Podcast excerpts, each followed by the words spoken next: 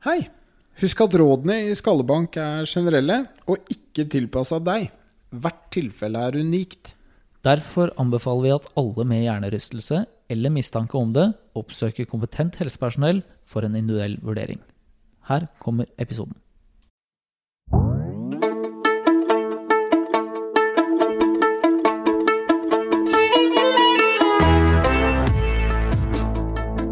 Hei og velkommen til Skallebank, podkasten som handler om hjernerystelse. Jeg er fysioterapeut Narve Bjørneseth. Og jeg er osteopat eh, Lars Martin Fischer, og i dag så skal vi snakke om hva som skjer ved en hjernerystelse.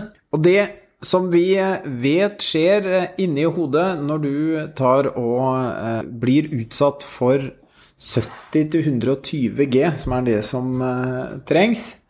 Eh, hvor fort er det, Lars Martin? Altså Det er ganske mye krefter som skal til. Um, hvis man uh, kjører en bil og krasjer uh, i 60 km i timen, så vil bare den stoppen, uten at du treffer dashbordet, vil generere 60 G. Altså ikke nok til å gi deg en hjernerystelse. Noe annet er selvfølgelig hvis du treffer dashbordet. Ja. Så én G-kraft er én gravitasjonskraft. Altså her vi sitter nå, så i ro, så vi, har vi én G. Ja. Hvis du nyser eksempelvis, så er jo det 8G, sånn at dette er mye mer krefter enn det som eh, vi utsetter oss for eh, til daglig. Men eh, hva skjer, da? Hjernen din rister hardt. Og hva skjer da med cellene? Altså det vi har vært inne på i forrige episode, var jo at det er jo ikke noe bildediagnostikk som kan påvise Det er ikke noe stor skade som skjer, som vi kan se. Skaden skjer på et mikroskopisk nivå. Vi må helt ned på nervecellenivået for å se hva som skjer, eller for å måle det. Og, og denne ristingen, eller denne strekken, det, det, det er nervecellene også som strekkes. Og, og det får noen konsekvenser for, for hvordan den fungerer. Ja, du har jo Man kan nærmest tenke på inni hjernen så har du det vi kaller grå, som er det ytre laget av hjernemassen, og så har du hvit hjernemasse som ligger innenfor det. Og de har litt forskjellig tetthet. Så når du rister hjernen hardt, så kan du tenke deg at du lager en, en gelé, og så tar du et nytt lag med gelé oppå den, sørger for at det er stivt, og så rister du formen, så vil du se at det blir små brudd mellom de to lagene. Og det er noe av det samme som skjer inni hjernen. Så disse hjernecellene strekkes, og Plutselig så, så gjør det at det er plass til å slippe inn stoffer som i utgangspunktet ikke det skal være for mye av inne i hjernecellen. Ja, altså alle celler i kroppen har det vi kaller en cellemembran, altså en, en ytre grense som skal holde integriteten til cellen, som sørger for at ting som skal være innenfor, eh, er innenfor, og ting som skal være utenfor, er utenfor.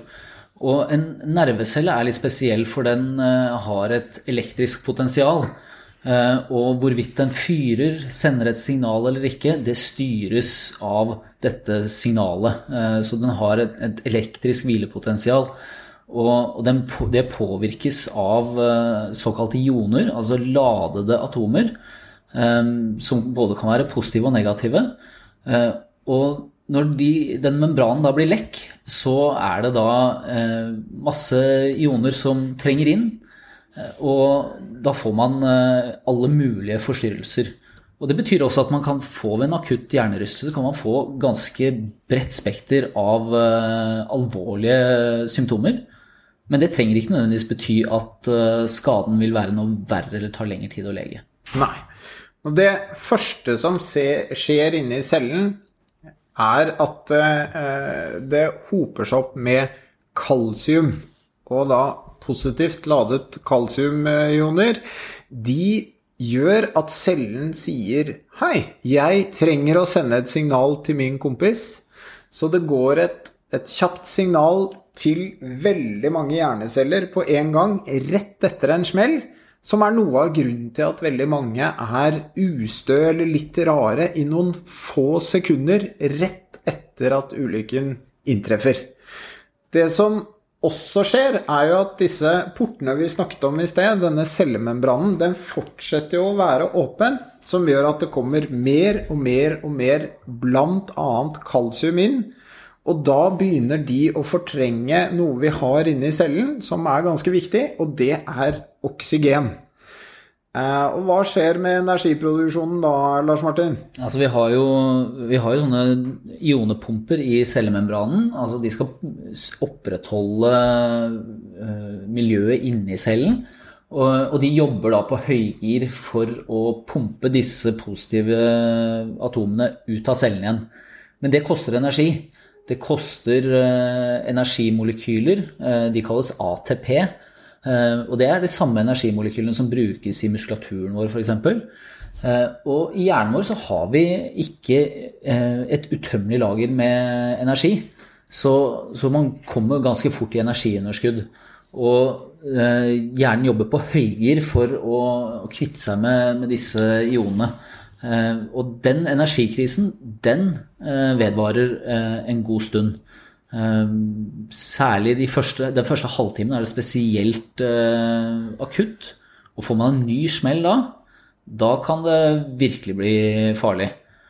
Ja, for det er jo sånn at heldigvis ved hjernerystelse så har vi svært, svært, svært sjelden det vi beskriver som celledød.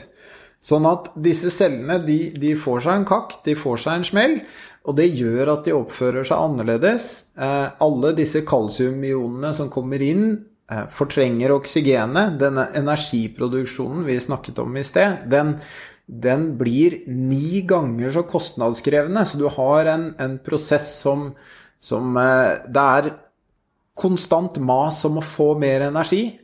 Og det å lage den energien, det er veldig, veldig kostnadskrevende. Og da ender du opp med det underskuddet som eh, Lars Martin nevnte i sted.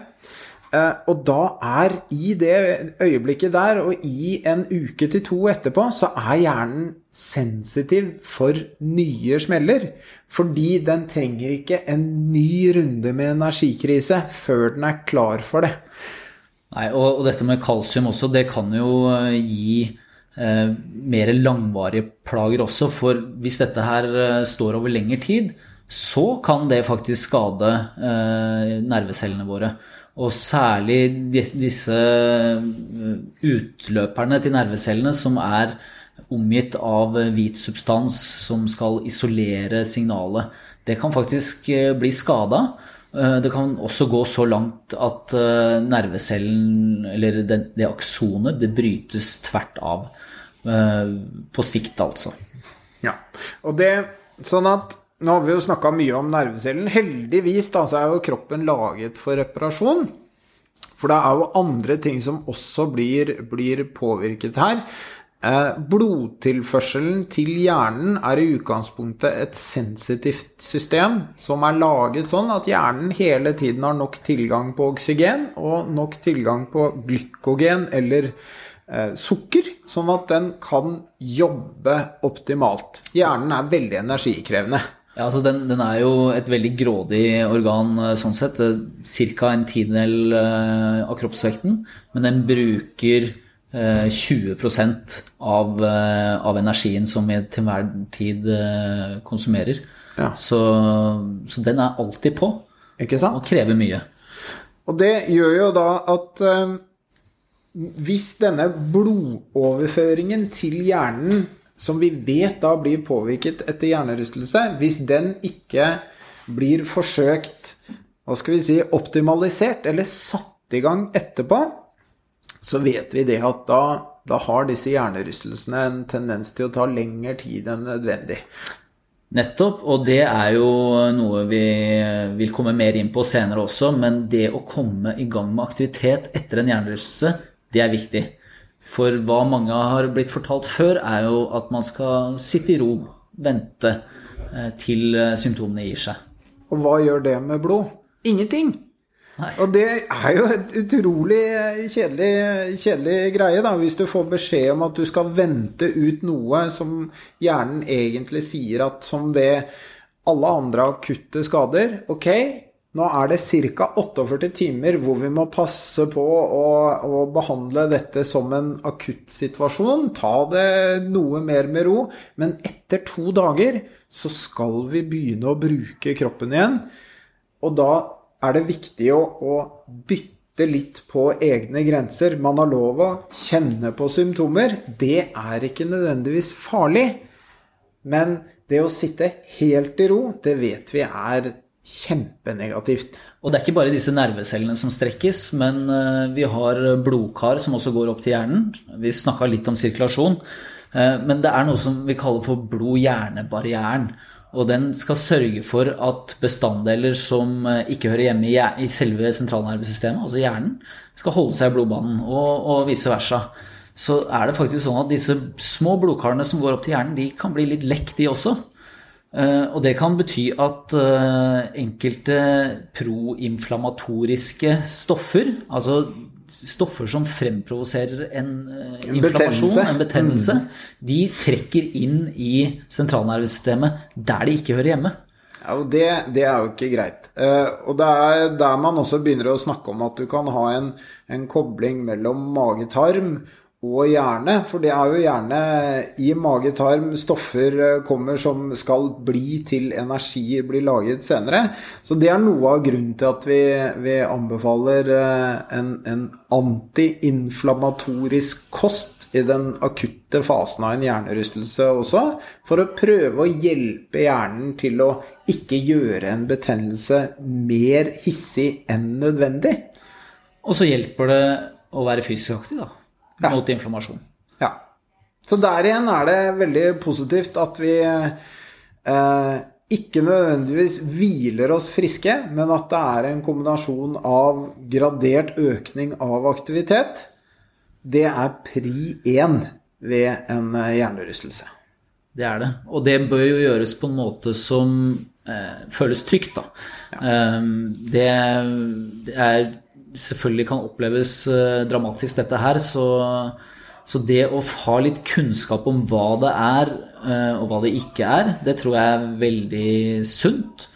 Eh, så vi har jo kun liksom skrapa litt i overflaten i dag.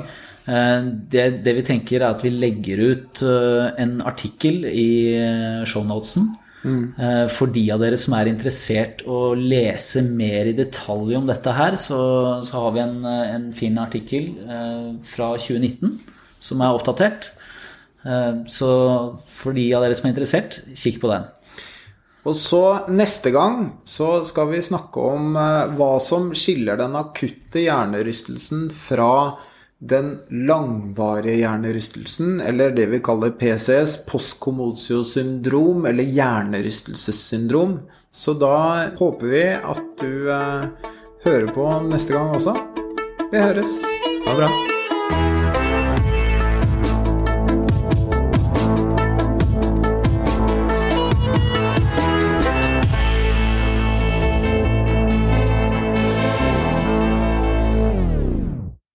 Hei, dette er Narve fra Skallebank. Har du ris, ros eller spørsmål, så setter vi pris på at du sender det til skallebankpod at gmail.com. Du kan også følge oss på sosiale medier under Skallebank hjernerystelse. Det finner du både på Instagram og på Facebook.